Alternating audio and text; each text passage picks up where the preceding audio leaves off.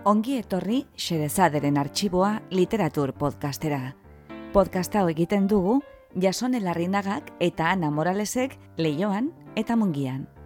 Guk bezala, zuk ere uste baduzu, munduan gauza gutxi direla hain atseginak nola ipuinon bat patxada zentzutea, gera zaitez gurekin, eta prestatu munduko kontakizunik bikainenak euskaraz entzuteko.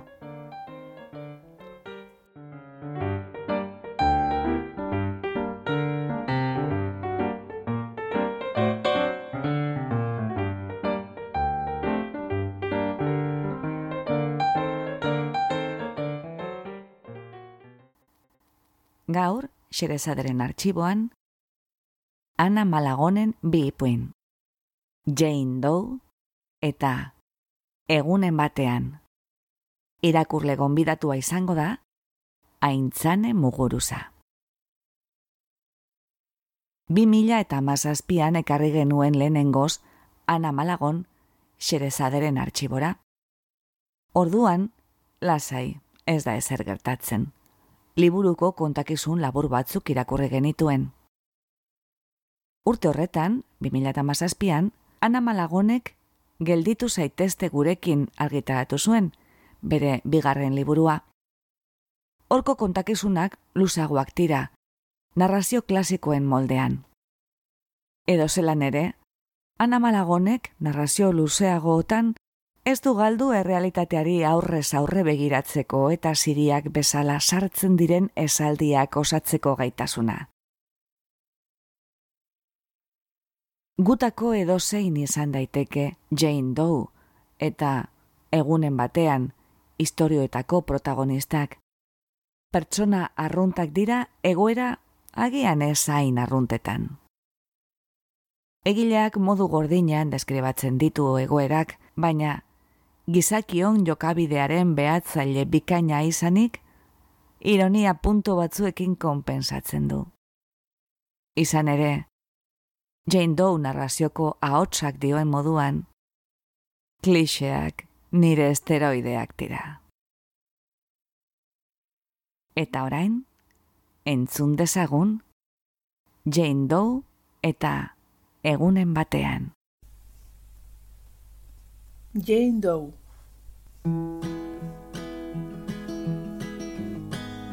Garrantzitsuena parte hartzea da. Esateko gogoa daukat. Igogailuan sartu eta iker eta konpainiako beste esekutiboekin topo egiten dudanean.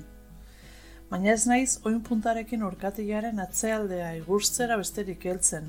Sakelako telefonoan azkeneko aldiz begiratu nuenetik, jaso ez ditudan mezuak nire irudimenarekin irakurtzen ditudan bitartean. Prozedura beti bera da. Igogailuan nuan bitartean arnasari eusten diot. Tripa sartu eta sorbaldak atzerantz lusatzen ditut. Kokotxa igo. Berantz begiratu sakelak orantz. Espainiak estutu. Orkatila igustzea azkeneko gunetako berrikuntza izan da. Nire buruaren IGG departamentuaren proba bat.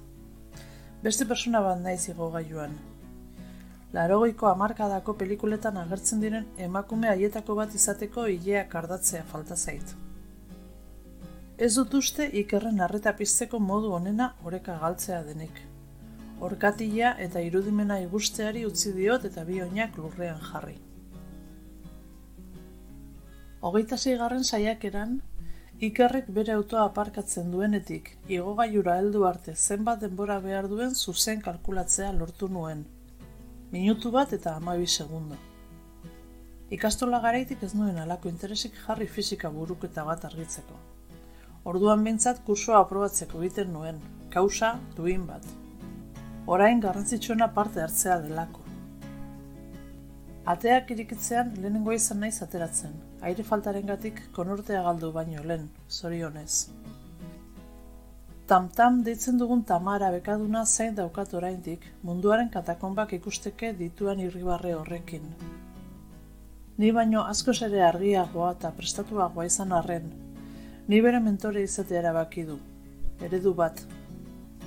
Ezin dut badagoan hau atxekabetu baina egia zera da, ez daukadala oso argi zer den erakutsi behar dio dana. Gehienetan ez daukadalako oso argi egiten ari naizena zergatik ari naizen egiten. Beraz, egiten dudana erretransmititzen diot. Zuzena oker dagoen, historia liburuak esango dute. Berarekin oso edukatua eta distante izaten saiatzen naiz. Eta noizean behin ahotsa altzatzen diot. Ez gehiegi baina zertxo bait bai. Naiz eta badakidan dena delakoa, ez dela bere errua. Boteretsua sentitzen naiz hasiera batean. Subnormala bere ala. Igoa joan berriz? Belaunean mina daukat. Gizentzen ari zarelako? Aha, ez da zuretzako. Zer? Igo gaiuan dagoena, berdintzait nor edo zer den, ez da zuretzako. Aintzanek, lehenengo semea duela gutxi izan duten guztiek bezala, aurpegia bezain txarra du umorea. Maite gaituela badakit. Edo behintzat, ez gaituela bere e-mail pasibo-agresiboek adierazten duten garraztasunarekin gorroto. Ez du amatasun baimena luzatu, ez du orduen murrezketarik eskatu. Plus, bere semearekin denbora gehiago igaroko balu, egunkariko horri alderen batean ikusiko genuke bere argazkia. Eta ez, akziodunen aurrean konpainiak bere ganaturiko merkatuen inguruan hitz egiten belauneko minarena gezurra da. Gizendu naizela, egia berdaderoa. Ez liak esola behar, baina berrogei urtetara heldu baino lehen, labezo morro bat bihurtu ordez. Nire amona manoliren gan, bere pisuagatik, oetik oza-oza altxaziteken masa diabetiko eta marmarti hartan, metamorfoseatzearen ideiak ez nau gehiagirak hartzen. Tamalez ez naiz horrekin akordatzen gauetan txokolati zozki potua irensten dudan bitartean. Bai, badakit, baina klitxeak nire esteroideak dira. Indartxu egiten naute eta mundu eta garaia hoekin konektatzen lagundu. Igoga joan dagoena ez da niretzat, badakit hori. Neure buruari, neure buruarekin nahikoa eta sobera dudola konbentzitzeko alanetan hartzen dudan atxeden bat besterik ez da. Eta badakit zaila dela ulertzea, batez ere, nire independentziaren aldarria, Lutero kelizaren kontra hiltzatutako manifestua bezala erakutsi izan dudanean. Baina beharrezkoak ditut atxeden hauek, bakarrik egoten jarraitu alizateko. Teklatua zapaltzen erabiltzen duen indarragatik ezin da jakin aintzane bere e-mail gupidagabe horietako bat idazten ala bomba nuklearrak jaurtitzeko aginduak bidaltzen ari ote den botoi gorri bat jarri beharko liokete, bere bizitzatik jaurtiko duen botoi gorri bat. Beste nonbait erori nahiko du, baina ez hemen. Hemen betikoa gaude, bere zenar bigutxo hori, bere umen egart infernala, eta gu. Gaur gauean libre zaude, azkeneko kolpea eman dio entzanek, enter teklari, agur nagasaki. Ia beti nago libre. Afaltzera joan gaintezke. Okei. Okay afaltzera irten beharra daukat. Okei. Gaueko plana eginda, ostiraleko azken orduko dei horren zein nago. Amabost, zero biak dira. Duela bi minutu atera behar nuen bulegotik beste guztiak bezala. Baina ni, amabost, zero zero eta hasten naiz gauzak jasotzen. Lanaren etika zorrotz bat dudalako. Ez lehenago. Nire gauzak jasotzeko behar dituda minutu hauetan heltzen da deia, hemen dago amabost zerobietako doinu desesperatu hori. Alaitz? Bai. Oraindik hemen zaude? Bai. Igo zaitezke mesedez? Eta ordoa nire hirugarren baiezkoa jarraian. Igo gaiurako bidean neure gurutzea kargatzen dudan bitartean, neure buruari errepikatzen diot, ez baitaukat inguruan beste inor, ez dizkiatela ordu estrak ordaintzen. Azkenekoz, soldata igora bat eskatu nuenean ukatu egin zidatela. Eta departamentu saldatzeko erromatar imperioko intrigetan maistra bat bilakatu behar izan nuela. Ez nukela hemen eta orain egon behar, eta hemen eta orain, hemen eta orain nagoela zoritxarrez. Berazoaz, segundo pare bat behar izan dut erantzun artikulatzeko. Ez, gora. Eta atea itxegin da berriz, askatasunerako bidean. Bere autora altzeko minutu bat eta mabi segundu beharko ditu ikerrek. Hortik aurrera ezakit beste zer. Ezakit non bizi den. Ezakit norbaitekin biziote den. Minutu eta mabi segundu horietan egingo duena da irudika dezaketan bakarra. Hori eta ikarrek eta biok eskutik helduta estanda egitear dagoen eraikin honetatik korrika ies egiten dugun thriller hori. Errealitateak angelen bulegoko eserleku garesti horretan esertzen dugu, berak leio antitik at begiratzen duen bitartean. Bere bizkar zabalak ez dit bista gozatzen uzten. Zerbait egin behar duzu gaur gabean? Bai, afaltzeko itzordua dut. Norekin galdetu nahi eta ezin horrek estutzen du. Badaki izango didala gaueko ordu txikietan deitu, eta plan aldaketa hori bizarra moztean egin duen zauri baten antzekoa sortatzen zaio. Hain ondo usaintzen duen lozioa ematean askura txikia eragiten dion zauri bat. Berriz biratu nahiko luke, eta bere betaurrekoen gainete galdetu norekin eta nora noan, baina hori egiteko itzakie bat behar dut ez du aurkitzen. Zerbait gehiago? Ez. Ondo da, asteburu naizan. Eta subearen eginez desagertu naiz bere bulegotik. Bere asteburu ona izan ahul hori apenas entzuna izan dut. Benetan hori opa didala dio nire zen nahi feak. Zen hori giltzapean dudan ziega iunera berriz bidali baino lehen. Ez dut gogoratzen noiz izan zen entzan eta biok txinatar jatetxe batean parez pare egon ginen azkeneko aldia. Sakelako telefono alde batean utzi du mespretsukenu batekin. Gamba esnakak eta eskatu dugun arduaren lehenengo kopa ustu dugu janaria heldu baino lehen horrela daude gauzak. Ez dut gogoratzen noiz izan nuen divertitzea momentu bateko helburu bakar gisa. Tira, nik ere ez, nera bezaroan egiten dira horrelako gauzak, eta nik horren ordez bizitza erdiko krisi bat eduki nuen. Zerbait sartzen da tartean beti, bultzaka, eta azkenean ez duzu divertitu nahi zenuenik gogoratzen. Eta gogoratzen baduzu ezakizu zer egin. Divertitu nahi zenuelako errudun sentitu, ala divertitzeko gaiet zarelako miserable. Biak aldi berean ziurrenik. Gaur ez dut errudun edo miserable sentitzeko gogorik. Zerbait gertatu da? Zerbait gertatu behar du? Ez, noski zetz. Bart, obean nengoela Albertori begiratu nion, lo zegoen. Ahoa erdi irekita, burua alde batera eroria. Arnaz sakonak egiten zituen gelako aire osoa bera metxean sartu nahi izango balu bezala edo. Duela hilabete batzu konturatu nintzen berarekin maitemendurik egoteari utzi dio dala. Ordun aldian oraindik. Ez hitzaidan oso atsegin egin. Gertatu behar zuela badakit, eriotza bezala dela. Baina ez dakit horretaz jabetzeko prestoten nengoen oraindik. Badagoelako nigan oraindik oso heldua izan nahi ez zuen zerbait. Gure artekoa zer bilakatu den definitzen saiatu nahi zordutik. Bart aurpegi hori ikusi nuen, iktus bat izan duen norbaitena ematen zuen. Argia itzali nuen gehiago ez ikusteko. Bihar amonean azuko nubela uste nuen, baina hemen nago. Zuri kontatzen. Argi dago ez zaidala aztu. Inbidia ematen dit zure askatasunak, egunero zerotik asteko daukasun aukera horrek.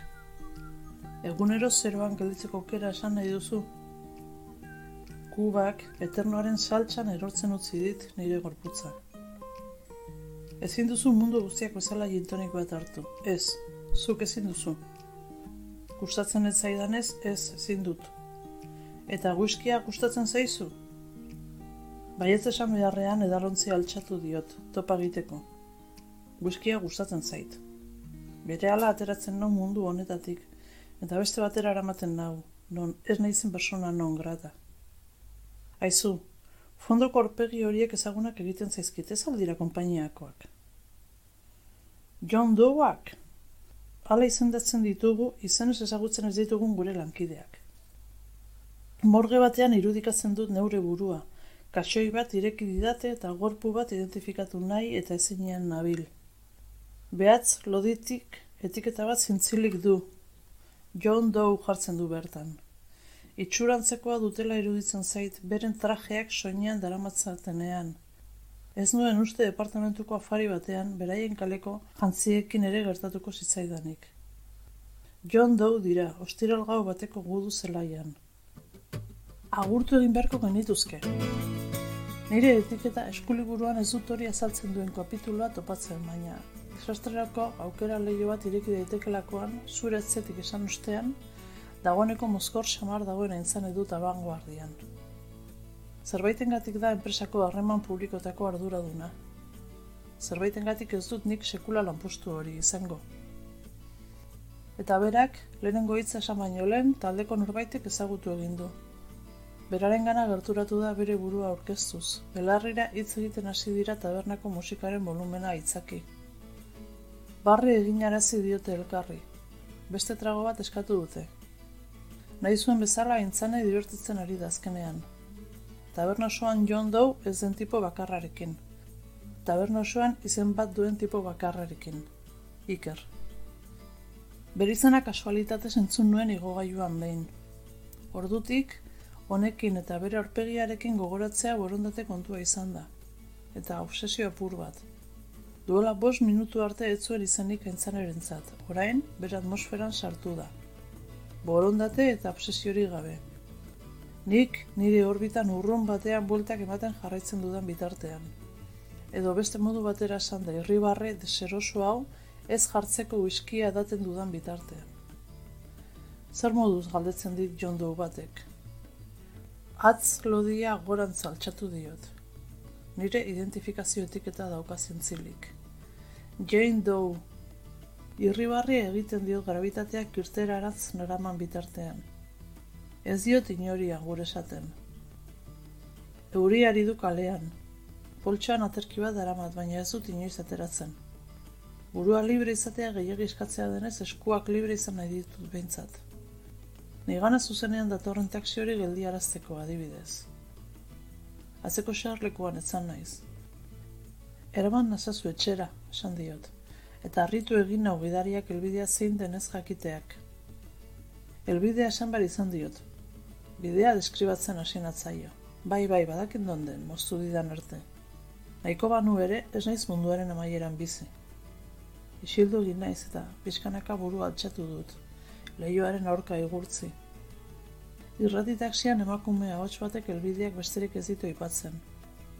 Gidariari konpainia egiten dio, ahots horrek, geografia horrek. Irratiko ahots emakume bat izaten da beti, eta gaubeko taksi gidariak gizonezkoak.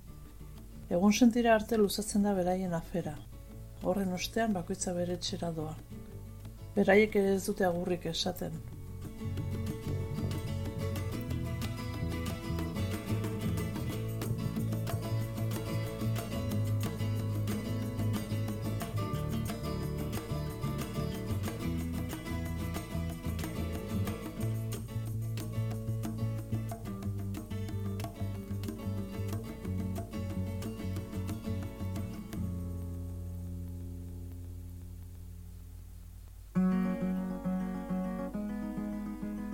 Konpainiako lehenengo solairura naramaten eskaiera koinez igotzeak nire kuadrizezak indartuko dituelakoan nago besterik ezean. Tam-tam, erabili nahiko nuke xerpa bezala, baina ni baino asko zere lehena golduko zen lanera. Aintzan ere bere lekuan dagoia da. Kursia izatea kontzientzia txar absurdoei aurre egiteko modu bat dela uste dut amatasunetik buelta marmarka itzuli zenean horregatik jarri zituela intzanek bere mailan familia argazki horiek. Bere senarra eta semea niri begira daudela iruditzen zait. Ostiralean gertatutakoa zerbait azaldi edan. Protagonistari eskatuko ez diodan azalpen bat. Non sartu zinen? Niri bai, niri beti eskatzen dizkiat azalpenak. Etxera joan nintzen. Etzen dituen nire deiak jaso? Bateriari gabe gelditu nintzen. Asteburu osoan, kargadorea hemen utzi nuen sentitzen dut. Eta tantamen aldamenera itzuli nahi zeguna pasatzera. Zazpi ordu eta berrogeita iru minutu hain zuzen. Ia berrogei urte antenan deraman lehiakata batean bizi naiz. Galderak egiten dizkiate, galderak erantzuten ditut, eta egunaren amaieran jasotzen dudan sari nagusia urrengo gunean programara itzultzeko aukera da. Sekulako dirutzamen daukat hor nonbait bilatuta, baina horrek ez du esan nahi azkeneko saioan dena galduko ez dudanik. Ezin dut gastatu. Behin behiniko da nire aberastasuna. Virtuala. Irreala. Ezerk ez dit ziurtatzen egunen batean sistema kutxe egin eta nire inguruan eraiki dudan babes eren guztia eroriko zaidanik. Nigandik espero dudana hori da, kutxe egitea, fede handia dut. Garrantzitsuena parte hartzea da, esango dut orduan. Garrantzitsuena saiatzea da. Ez zara parte hartzen ari, ez zara behar bezala saiatzen ari gein dugu. Etxeraltzean gau izan arren ez ditut argiak pizzen beharrezpaz baldin bada. Patioko bizilagunen lehioetatik irteten denarekin nahikoa dut zertan ari naizen ikusteko. Gehienetan ez naizelako ezertan ari, egia san. Nude ladreioak banatu ditut katiluan sar daitezen. Hautsi egiten dira, eta nik austura bakoitzan bezala, beharrezkoa zena baino gehiago txikitu ditut nudelak zaporea ematen dien hautsen poltatxoa irekitzeko arazoak ditut. Eta arazoak ditudan bakoitzean egiten dudana egin dut. Hortzak erabili. Hautsa sudurretik sartu zait. Auskalo zer duen nasketak. Aluzinazioak edukitzeko goa dut, baina lortzen dudan plazer gorena doministiko egitea da. Ezakit nola egiten duten nudelek hain pakete koloretsuan nire miseria hain ondo islatzeko. Telebistan lehiakideak utxe egin du. Sari handia lortzear zegoenean utxe egin du. Jimmy Carterrek presidente izan bainoelen kakagoete presa bat zuen. Horrelako datu historikoa ezin daiteke gaztu. Bere porrotaren omenezko irribarre eta txalo artean agurtu dute lehiakidea. Lehiakideak ere irribarre eta txalo egiten dio bere porrotari. Telefonoaren notxantzuteko volumena jaitsi dio telebistari telefono 8 horren beste aldean Angel bakarrik egon daiteke. Bakarrik zaude galdetzen du. Konfetia erortzen ari da estudioko sabaitik. Amaitu da saioa. Bakarrik nago.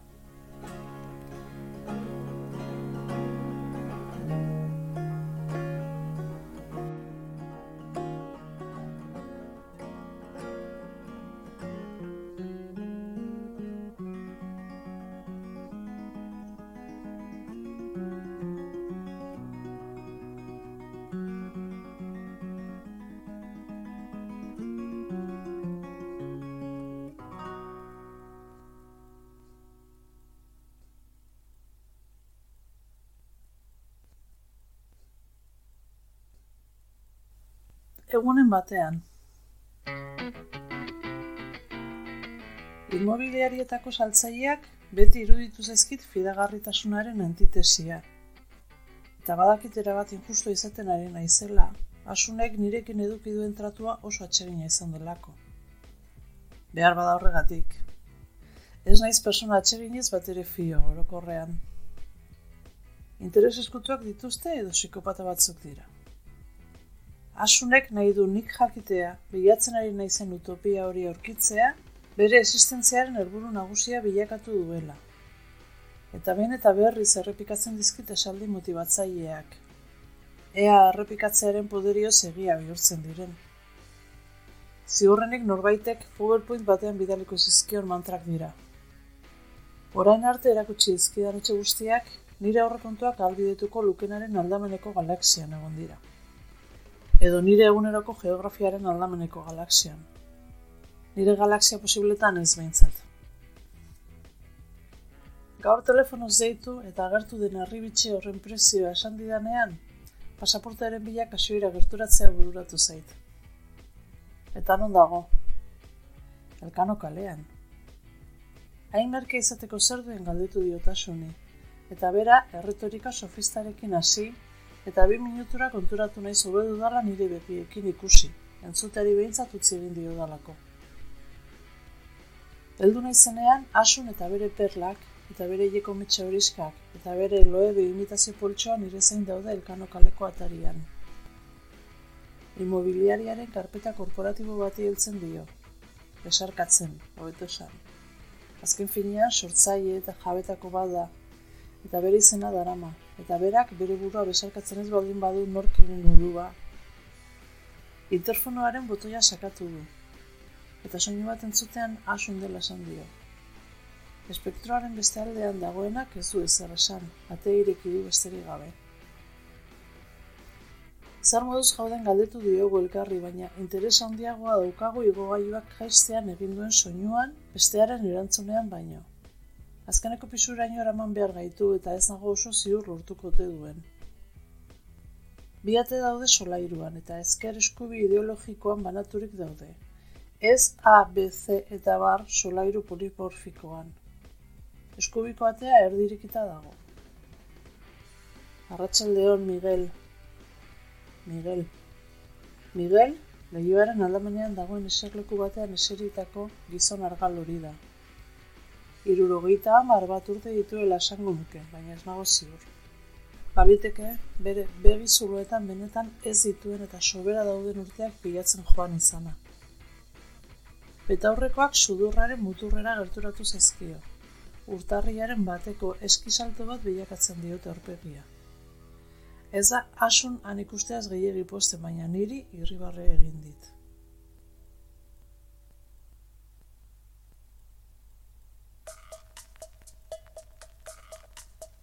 Etxea duplex bat da, ganbarari hartua dio zati handi bat. Goiko pisuaren sarbidea itxi daiteke barrutik eta aparteko sarrera bat du kanpotik.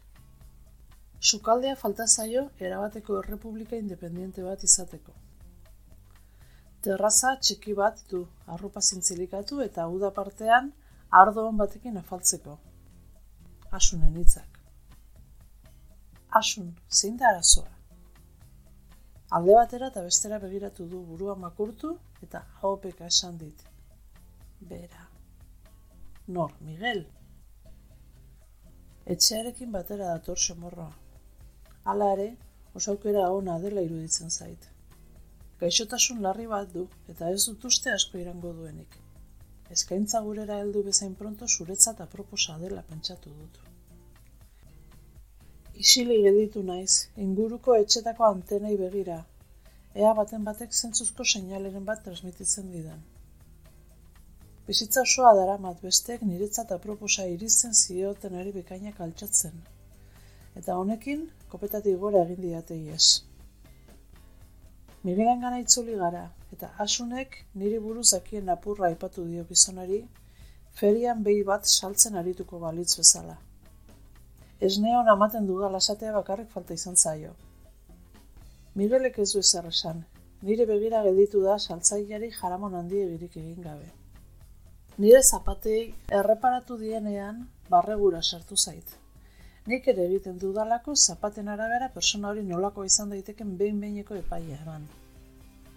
Pentsatuko dudala esan diotasuni handik irteterakoan, eta horrek pentsatzera behartzen nau.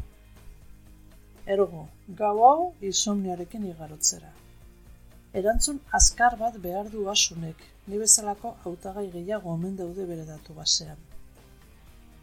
Urtero, gitarian egiten duten errepresentazio horrekin gogoratu naiz, gizon bizardunak, nekatuak, arrastaka, munduari buelta oso eman ostean etxera altzeko gogo biziz, haien artean elkano. Etzait egunero bideratzeak aldera etxera eltzear nagoenean izaten dudan itxuratik oso desberdina egiten. Eta nirea ez dantzerkia. Etxearekin batera dator somorroa, asunen itzen oi hartzuna.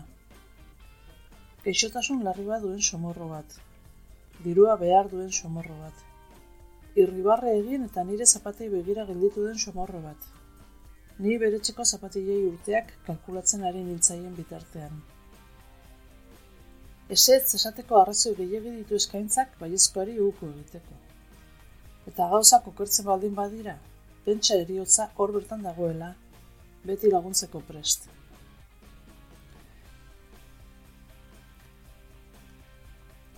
Notarioak, Miguel eta biok partekatuko dugun sententziaren hogeita bigarren klausula irakurri duenean, eten bat egin du guri begiratzeko. Eta bide batez, falta zitzaion airea hartzeko.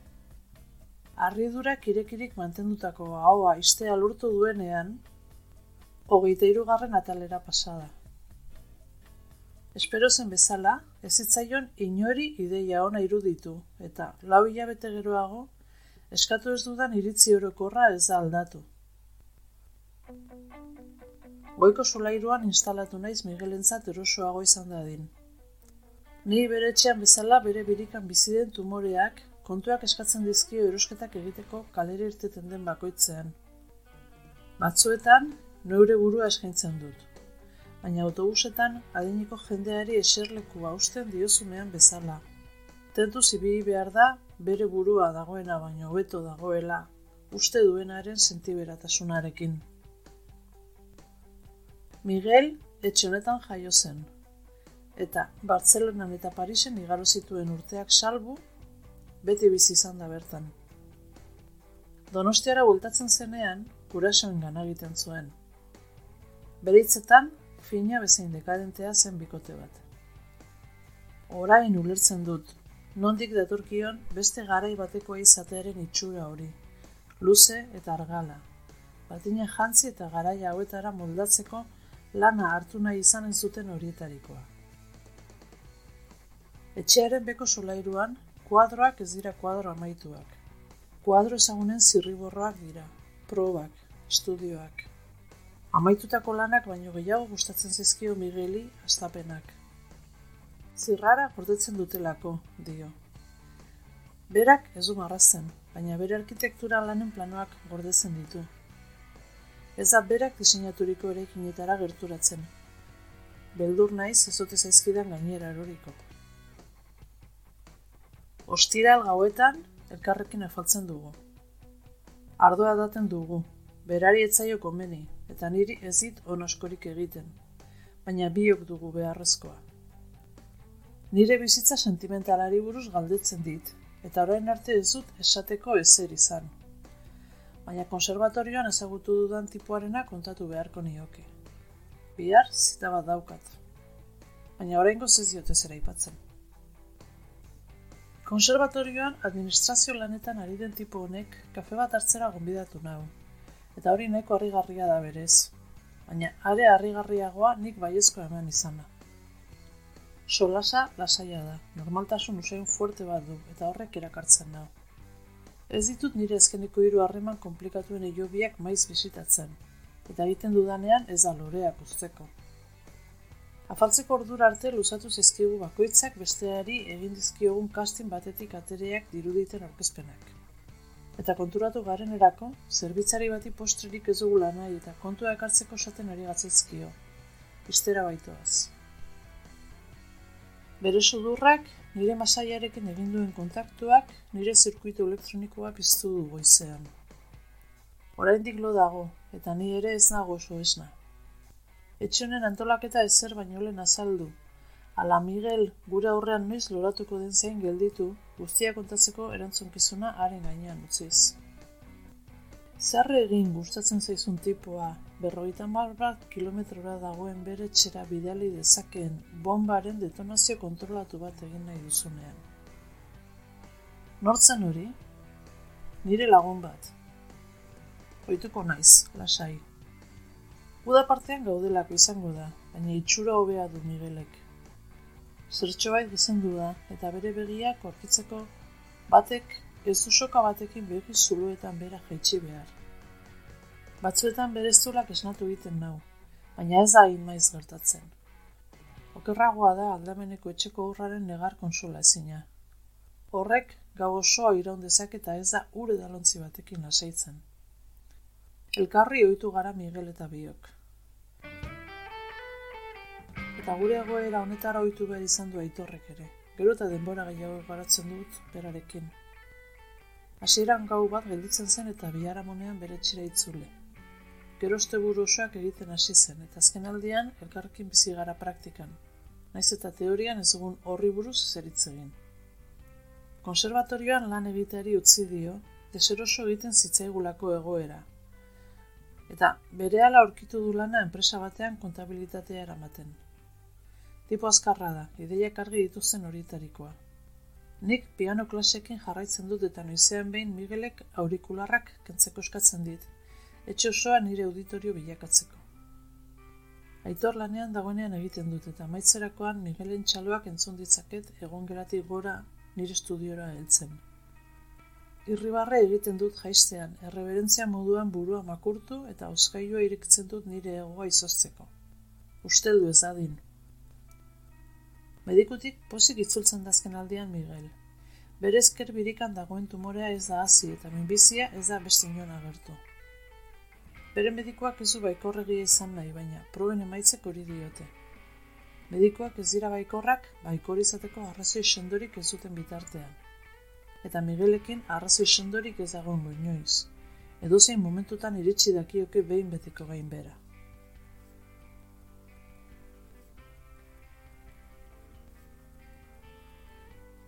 Laster izango dugun alabarentzat, leku txikia da goiko solairukoa, egia da. Baina nik ez dut etxe zaldatzeko asmorik. Eta ez dut Miguel hiltzean nahi. Miguel hiltzean, etxe guretzat izango dela azaldu nionetik. Aitorren gan esten joan den desio bada hori, gero eta modu nabarmenago batean. Ez du hitzetan jarri inoiz. Isiltasunean jarri du irurok sukaldean bat egiten dugunean, bere zinegona adierazten duen orpegi iunean. Ez dut uste aitor Miguel hiltzeko gai denik, eta ez da gori erduratzen nauena. Persona bat hiltzeko desioa duen norbaitekin oheratzea da nire arazoa. Eta persona bat hiltzeko desioa duen persona bat desiratzea. Lanetik nekaturik heltzen dela dio aitorrek, baina hoian ematen dituen birek sortutako energiarekin hilabete osorako argindarra izan genezake. Ardunaldiaren amaiera honek, desoroso eta asperturik naukani ere. Ez dakit zarregin nire gorputzarekin. Lan egiteari utzi diot eta ezin dut etxean ere teklatu jo. Bizkarreko minak bere armada guztiarekin erasotzen didalako, hasi eta minutu gutxira. Aitor, gero eta beranduago heltzen da lanetik. Eta gero eta isikiago dago, gero eta ilunago. Miguelen inguruan zerbait aipatzen diodanean urduri jartzen da bere defensa lerroak aurreratzen ditu eta erasora pasa. Gure aurrarentzat erosi ditugun tramankulu guztientzako lekua egiten hasi nahi du. Nahi eta ezin. Zinematika hutsa da, aitor. Modu bortitz batean zarat egiten duen indar bat. Guraso izatearen ideia hau biona izan zela gogorarazten dioteta. Beste norbaitek gogoratzen dugun zerbait gogorarazten digun bakoizan bezala, okerrerako izaten da. Zergatik ez dugun alokatzen, zergatik ez dugun saltzen, zergatik ez garen beste norabaitera joaten. Hori da, aitor, egunean zehar artikulatzeko gaiden mezu bakarra. Inork ez lukela etxonetan sartu nahi erantzuten diot. Sukaldera gindako gauerdiko bizita batean, urrengo eguneko medikazioak, bere kasatxo dosi banatzaian jartzen ari den Miguel fantasma gorikoa topatzeko.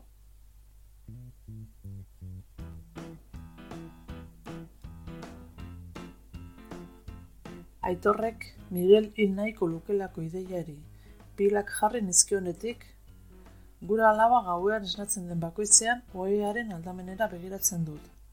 Ea hor dagoen, ea ez den bera jaitsi, sukaldean dauduen pastillen nasketa atomiko bat egiteko. Loa aurkitzen dut gehienetan, edo gutxienez asperenka. Baina bere gorputza hor dago, eta ez beko solairuan, bolbora berrasmatzen, bere amorroarekin eragindako estanda sortu ondoren, azkenean bai, azkenean guretzat lekua egiteko. Miguel gure alabaren aldamenean dagoenean, zaila iruditzen zait naturan ezer oskorragorik egon daitekela sinestea. Gogoratu egin behar dut ume txikiak gomazkoak direla, eta kontrakoa badiru ere, Miguel ez dela kristalezkoa. Guztiak gara ezurra eta aragia eta ura baina batzuen konposizioak bestelakoa dirudi. Leku gehiago behar dugula esan diot Migueli.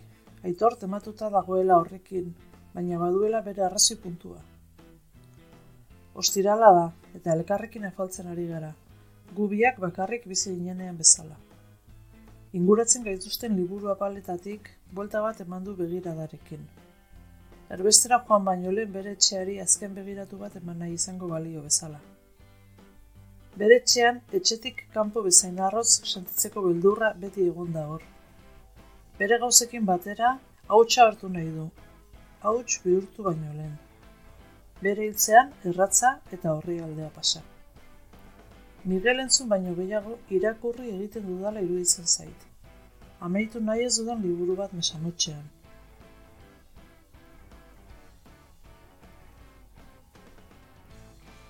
Noizean behin gizon batek ditzen du telefonoz.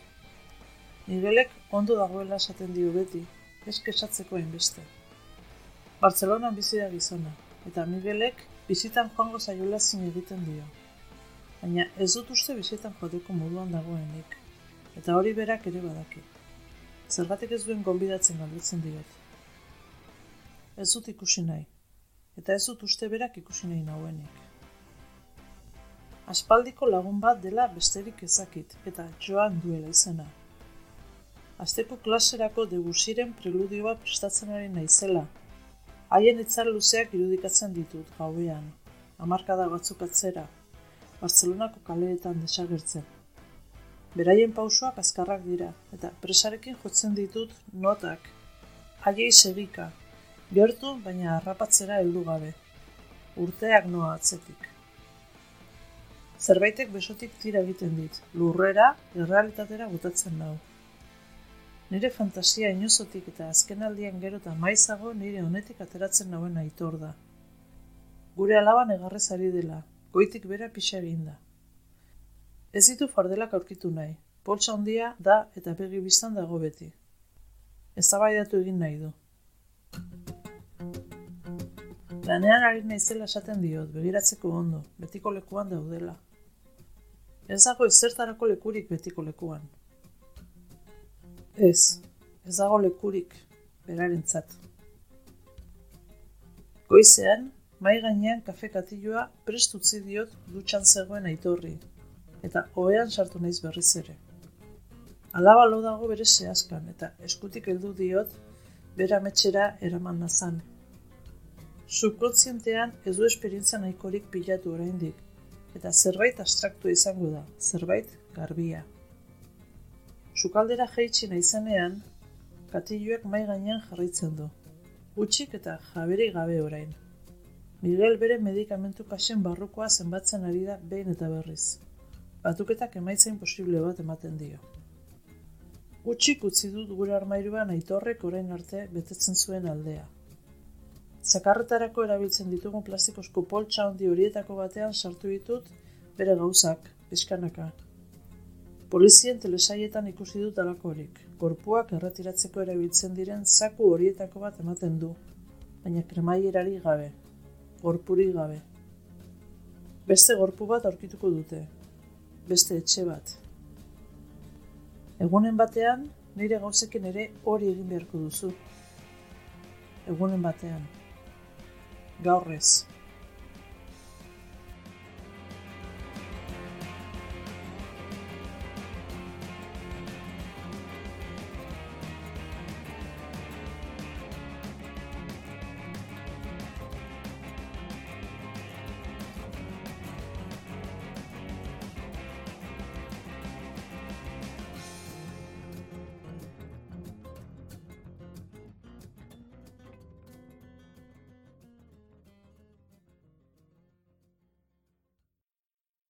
Entzun duzu, Jane Doe eta Egunen batean.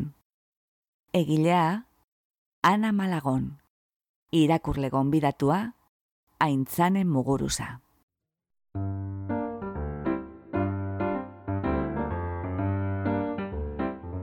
Xerezaderen artxiboko atal bat entzun duzu. Gure doinua da Charleston Behind the Attic Door, Dance of the Wind taldearena. Bizitatu gure bloga, gure audioak deskargatzeko edo online entzuteko. Iru xerezade.org Xerezade, isaz idazten da gogoratu. Eta ezaztu iruzkinak ustea. Podcast hau egiten dugu jasone larrinagak eta Ana Moralesek leioan eta mungian. Xerezaderen artxiboko atal guztiak emititzen dira Bilboiria irratian eta Arrosa sarean. Mila esker gurera hurbiltzeagatik. Gustora egon bazara, erdu urrengo batean ostera ere, Xerezaderen artxibora. Laster arte!